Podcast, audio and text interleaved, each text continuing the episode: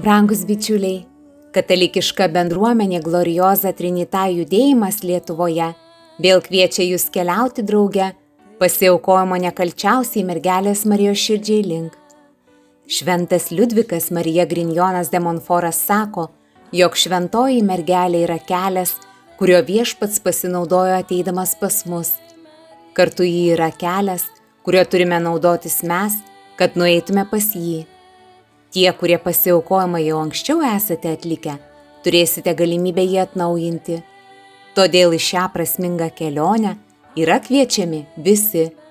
Šį kartą girdėsite judėjimo įkūrėjo Don Andrėjas Vincinski 2020 m. gegužę vestų šiam tikslui skirtų rekolekcijų įrašus. Įrašus iš lenkų ir iš italų kalbos vertė Šventos Elsbietos seserų kongregacijos sesuo Emanuelė ir Šventosios šeimos seserų kongregacijos sesuo Gertrūda. Įrašus lietuviškai įgarsino bendruomenės Glorioza Trinita judėjimas Lietuvoje nariai. Kviečiame leistis į šią dvasinę kelionę visiems kartu ir paruošti savo širdis. Maloniai primename, kad visą su šiomis dvasinėmis pratybomis susijusią informaciją Jūs taip pat galite rasti Glorioza Trinita judėjimo Lietuvoje Facebook paskyroje.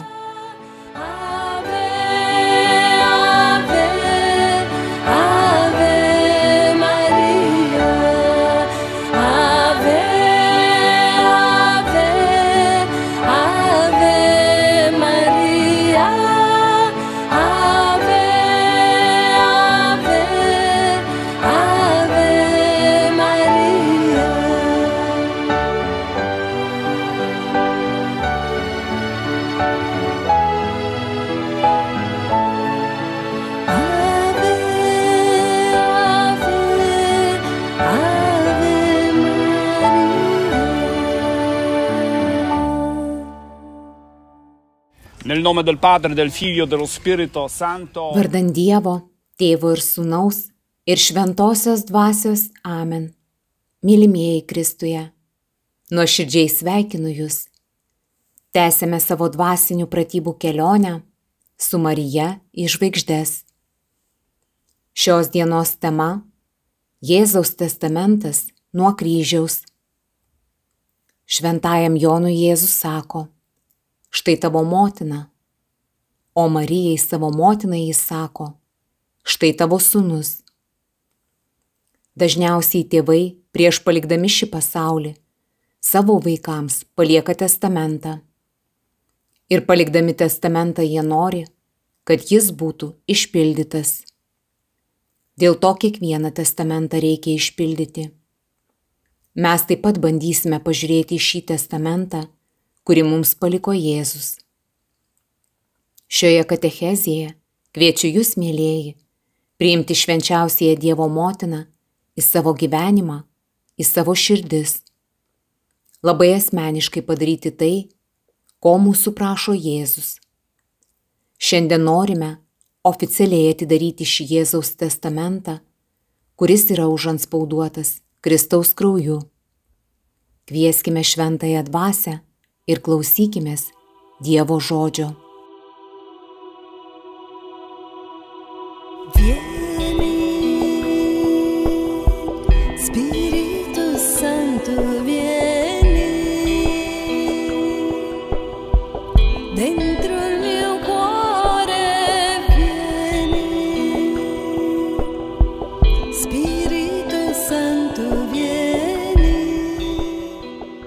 Evangelijos pagal Šventąjį Joną 19 skyriaus 25-27 eilutės. Jėzus ir motina. Prie Jėzaus kryžiaus stovėjo jo motina, jo motinos sesuo Marija Klopienė ir Marija Magdalietė. Pamatęs stovinčius motiną ir mylimą į mokinį, Jėzus tarė motinai, moterie, štai tavo sūnus. Paskui tarė mokiniui, štai tavo motina. Ir nuo tos valandos mokinys pasėmė ją pas save.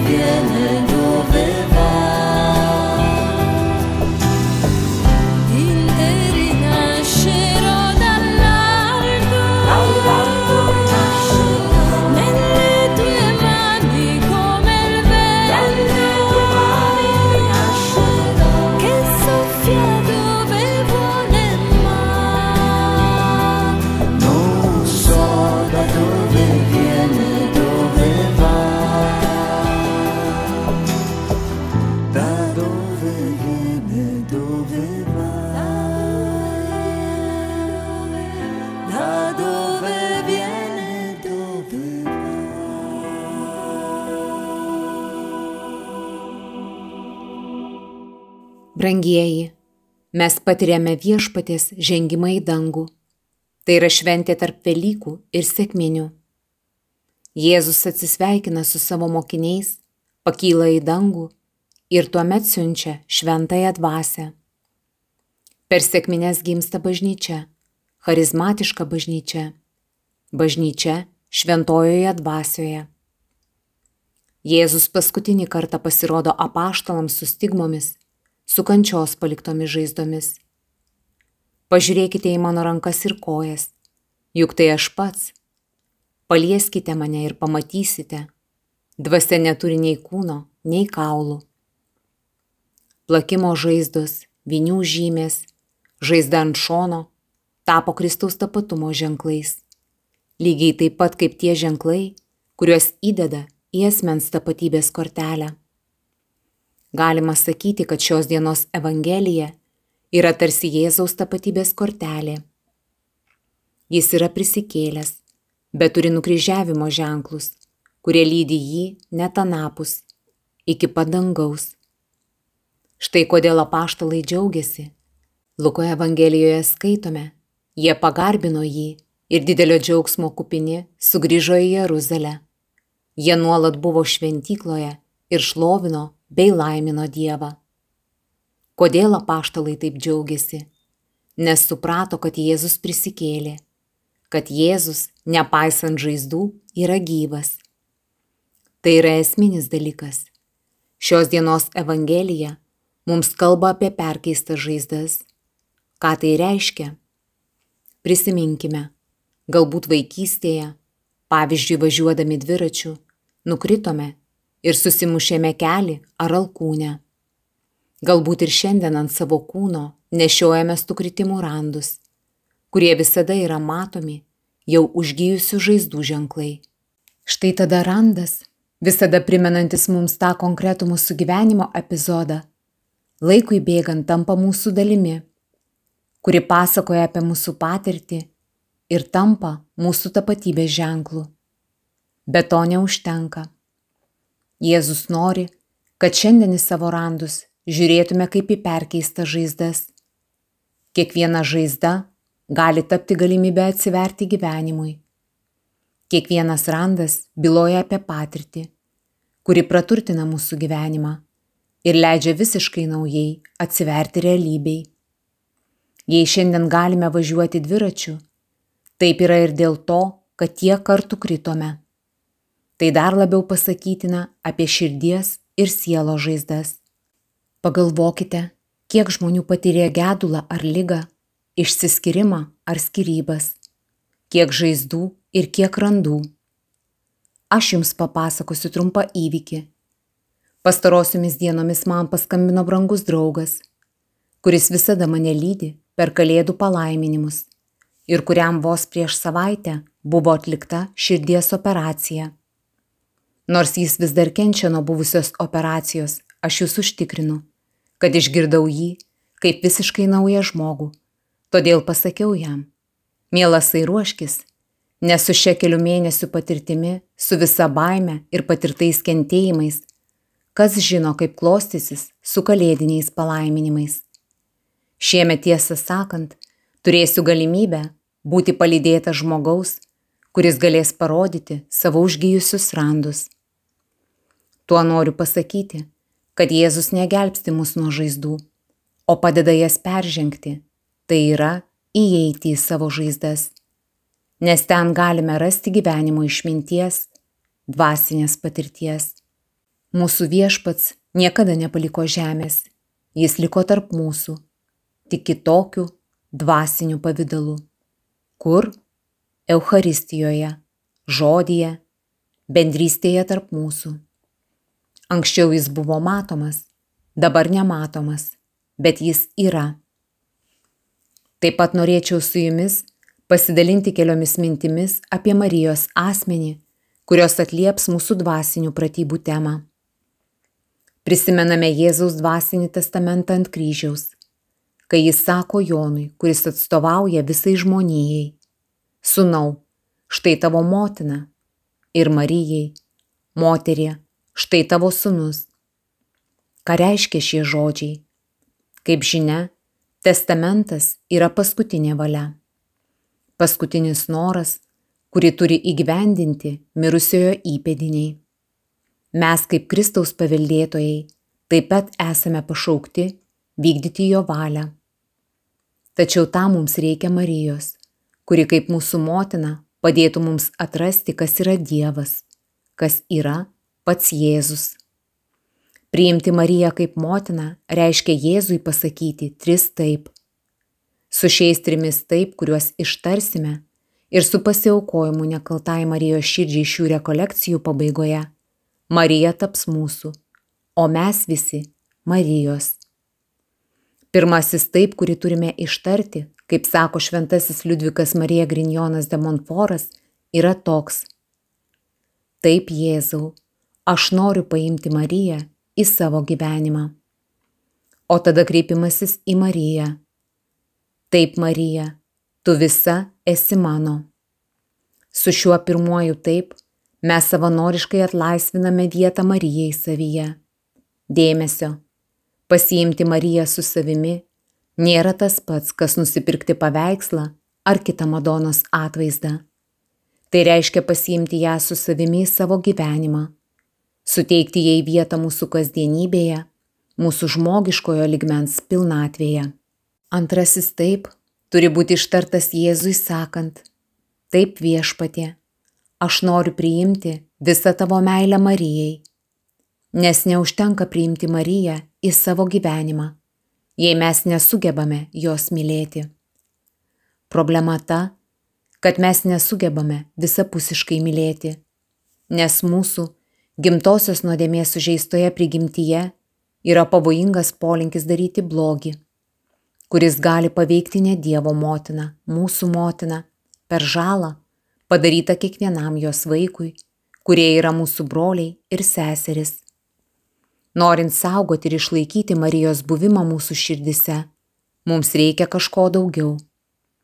Ir tas kažkas daugiau yra Jėzaus meilė savo motinai meldžiamės sakydami, Jėzau, noriu priimti savyje visą tavo meilę Marijai. O tuomet sakome, Marija, noriu mylėti tave, Jėzaus meilę. Ištariame trečiąjį taip, kreipiamės į Jėzų šiais žodžiais. Jėzau, aš noriu būti visas Marijos ir į Dievo motiną tardami. Marija, aš visas esu tavo totus, tūs. Tai yra trys taip, trys viet, trys žingsniai, leidžiantis visiškai išsipildyti Jėzaus ant kryžiaus ištartam dvasiniam testamentui. Tai nelengva, Prisimename, kas nutiko Fatimoje 1917 metais, kai Dievo motina pasirodė Liucijai, vyriausiai iš trijų regėtojų. Visa Liucijos šeima pateko į gilę krizę. Tėvas neteko darbo, mama susirgo ir net pradėjo prieštarauti dukrai sakydama, ką daro šie vaikai. Stovi po medžiu, esančiu už daugelio kilometrų nuo bažnyčios, kad pasimelstų su moterimi. Mes turime bažnyčią. Užuot garbindami Dievą esantį ant altoriaus, turime eiti į pievą susitikti su moterimi. Tai beprotybė. Žinome, kad Liucijos tėvas pradėjo gerti, nes nebegalėjo pakęsti tokios įtemptos situacijos. Kai ateina Dievas, kai ateina Marija, nelengva juos priimti į savo gyvenimą, nes visuomet kartu ateina naktis, bet tai apsivalymo naktis, Dievo veikimo mumise ženklas.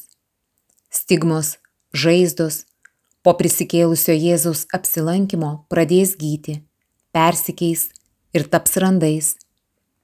Sesuo Liucija, Jacinta ir Francesco taip pat turėjo tos randus, jų tapatumo ypatingus ženklus.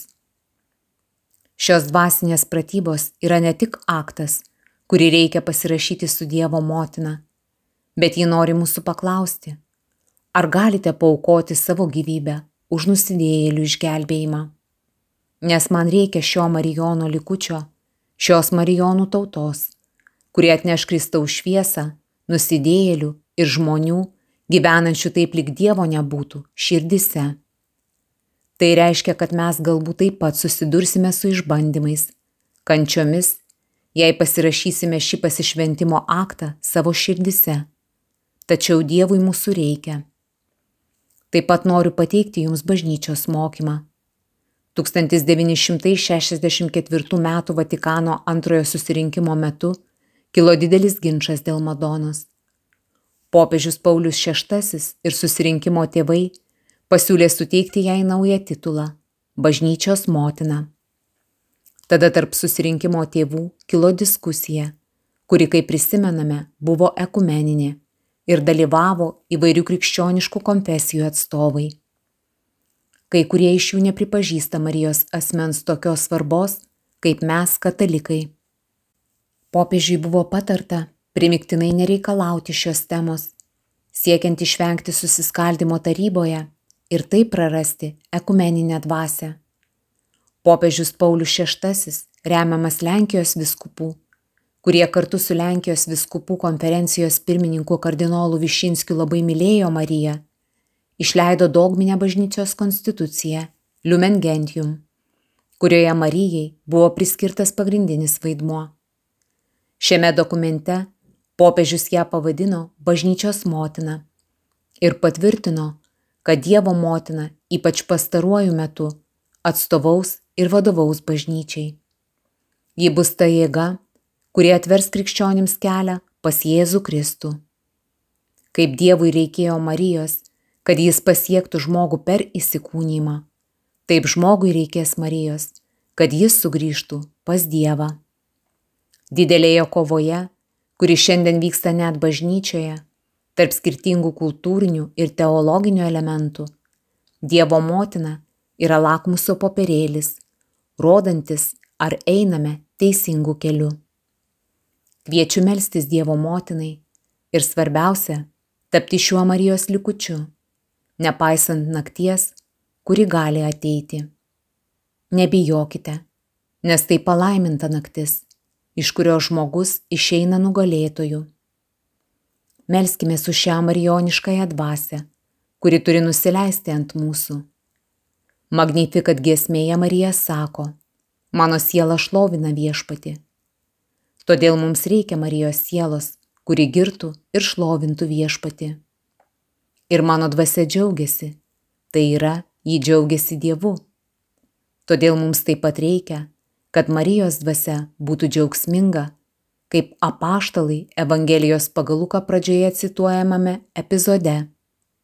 Mums reikia, kad siela šlovintų Dievą, o dvasia būtų džiaugsminga ir rami. Šios dvasinės pratybos suteiks mums galimybę patirti šią malonę. Amen. Katechezę baigiame tėvo Don Andrėja palaiminimu. Il Signore sia con voi. Vi benedica Dio Onnipotente, Padre e Figlio e Spirito Santo. Andiamo in pace.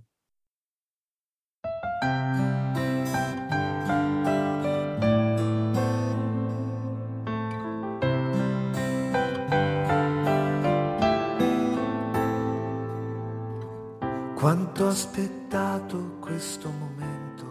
Sveiki, esu Gabrielė, esu iš Gloriozos Trinita jaunimo grupės ir e, suradus Facebook'e savo grupėje, kad yra ieškoma liudijimų. e, Pirma mintis buvo, kad, eh, čia aš dar jauna, o čia toksai labai saugusių dalykas, kad mm, net nereikia galvoti.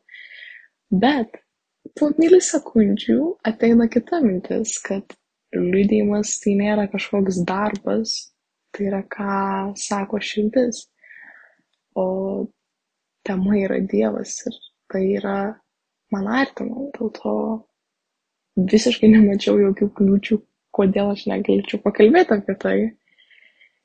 Ir ypač, kad šiuo metu yra mažai paauglių tikinčių. Nesakau visame pasaulyje, bet tiesiog iš savo aplinkos. Nes iš savo aplinkos aš randu vieną, du, tris žmonės, kurie tikrai taip nuoširdžiai tiki ir mm, būna bendruomeniai, kas yra mažai, bet, bet tai yra stipru. Neteina tie žmonės, kurie yra dviveidžiai ir, ir vaidina, kad tiki, bet už jos ribų yra visiškai skirtingi žmonės. Tai, manau, tas yra labai nuoširdu ir stipru. Ir va ta bendruomenė, kurioje aš esu, šiuo metu aš į patį tikėjimą atėjau su bendruomenė ir man tai yra dalis mano tikėjimo. Aš savo tikėjimo neįsivaizduočiau be bendruomenės ir manau, kad tai yra kiekvienam svarbu.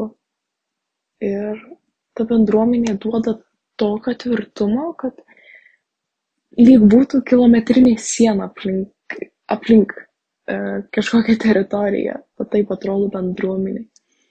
Nes tai yra visiškas meilės dalymasis, tai yra širdžių bendrystė. Ir kada tu gali jausti kitą, tai yra magiška. Kada per adoraciją teka, iš, teka ašarų upeliai ir jauti, kad reikia apsikabinimo, bet nėra to draugo, su kuriuo visada būni ir tu matai bendruomenės narį, nesvarbu, kad tu jo nemačius, bet tu matai, tarkim, jis turi kryžiuką ir tu apsikabini ir tu jauti, kad jis jaučia tą patį, jis jaučia tą pačią meilę, kurios tau reikia ir kur tu jį užpildai. Ir to neina žodžiais net apsakyti, kaip yra nuoširdu.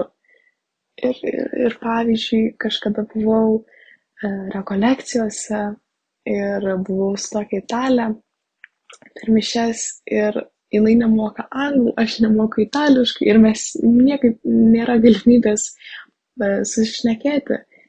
Bet mes susikabinusios ir gėdam iš visos širdies ir apsikabinusios ir taip mes nuoširdžiai bendraujam širdimis, kad neina apsakyti. Ir tai yra labai ir miela, ir nuoširdu, ir stipru, nes bendru, pabuvimas bendruomeniai, bet nuoširdžioj. Nekalbu apie tai, kad tu ateini į nepažįstamą bendruomenę ir turėtum jausti žiauriai gerai tai vis vyksta palaipsniui kada tu eini tu bendrauji kada tu klausi kaip tau sekasi kas tu esi iš kur tu. Va tas yra bendruomenė. Tai nėra tiesiog žmonių ratas kurių tu nepažįsti ir ateini ir o čia bendruomenė. Bendruomenė tai yra širdžių bendrystė kaip ir sakiau. Tai yra ką tu pažįsti kad tavo širdis yra dalis jo širdies. Ir tas bendravimas tai yra toks kaip atgijimas. Man bendravimas su kai kuriais žmonėms, žmonėms bendruomenės arba su tais labai, e, kada yra nuoširdus pokalbiai tokie e, gilus, tai yra tas pats, kaip, neįsivaizduoju, gaut brangiausią daiktą. Ir tai yra dar stipriau. Ir kada tu būni akivaizdoj su Dievu, kada, pavyzdžiui, per adoracijas tiesiog lieji savo širdį ir ateina bendruomenės narys ir uždeda tau ranką ant pečių arba apkabina tave. Nežinau, tūkstantį kartų dar tau būna geriau ir tas toksai kas kartą gydymas vyksta, kada tu jauti, kad išsiverki ir jau visas, ta magija nepradingsta, bet jinai tiesiog biškiai aplėsta tu jauti, kad tai buvo gydymas, kurio tau žiauriai reikėjo. Kada tu grįžti ir būni visa dvasiai, kada tu, atrodo, norisi ją skleisti, atrodo, tūkstantis idėjų dabar yra tau galvoj, ką tu norėtum daryti. Ir tai yra taip svarbu palaikyti, kad norėčiau tiesiog gyventi tame. Ir linkėčiau visiems, kad susirastumėte bendruomenę, ne tiesiog žmonių ratą, bet bendruomenę. Ten, kur jūs jaučiatės saugus ir, ir nuoširdžiai galit kalbėti apie bet ką, galit lieti save. Labai linkiu tą surasti, nes bendruomenė tai yra Dievo dalis. Jisai pats Jėzus, būdama žemėje, surinko paštalus, kas reiškia taip pat bendruomenę, savo mokinius kuriuos jis mylėjo ir gerbė. Dėl to raskime ir mes tuos žmonės, kuriuos mes mylime ir galim dalintis su jais meilę. Perché con te son sempre stato. Nessuno ti ama come me, nessuno ti ama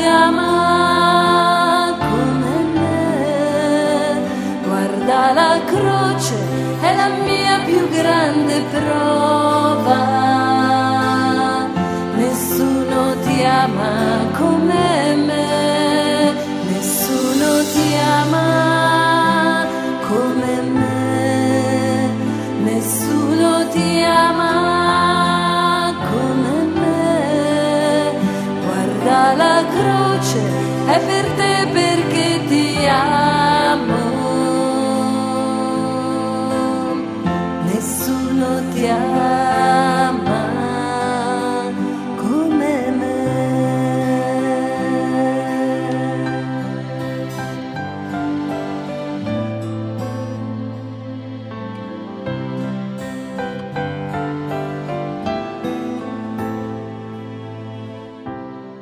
Io so ciò che tu mi dici, anche se a volte non mi parli. Io so bene ciò che senti, anche se mai tu lo racconti.